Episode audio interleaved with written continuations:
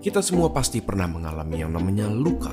Tapi, apakah kalian penasaran bagaimana luka bisa sembuh dengan cepat? Anggap saja kalian sedang mengatur beberapa berkas berupa kertas dan ups, tiba-tiba tangan kalian tersayat. Bagaimana cara tubuh kita mengatasi begitu banyak bakteri di sekitar kita yang bisa saja masuk melalui luka tersebut?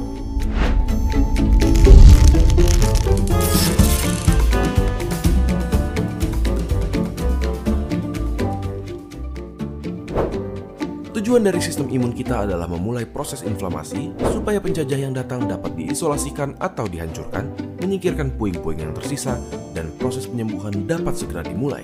Anggaplah suatu bakteri masuk ke tubuh kita melalui luka. Makrofag yang sudah siap di area tersebut akan mulai menelan bakteri-bakteri yang berusaha menyerang. Hampir secara langsung, sekelompok sel bernama mast cells atau sel mast yang mirip dengan basofil mengeluarkan zat kimia bernama histamin Zat ini memicu dilatasi pembuluh darah di area tersebut sehingga jumlah darah yang menuju area itu akan meningkat. Yang berarti jumlah sel darah putih yang datang ke lokasi pun meningkat.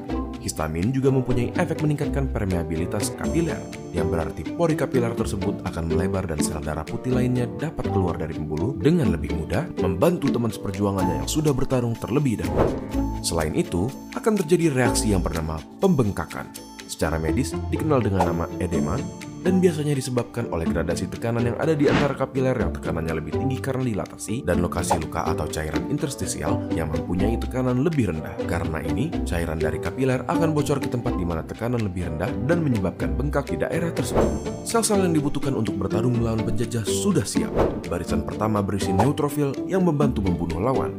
Sel lainnya termasuk monosit yang berubah menjadi makrofag dalam 8 sampai dengan 12 jam. Neutrofil dan monosit akan membantu menghalangi infeksi dan bahkan jumlah neutrofil dapat menjadi lima kali lipat dari jumlah normal dalam beberapa jam. Sekarang, di saat sel-sel yang bertarung telah mencapai lokasi luka, sel yang bertanggung jawab dalam menutup luka pun akan mulai bekerja.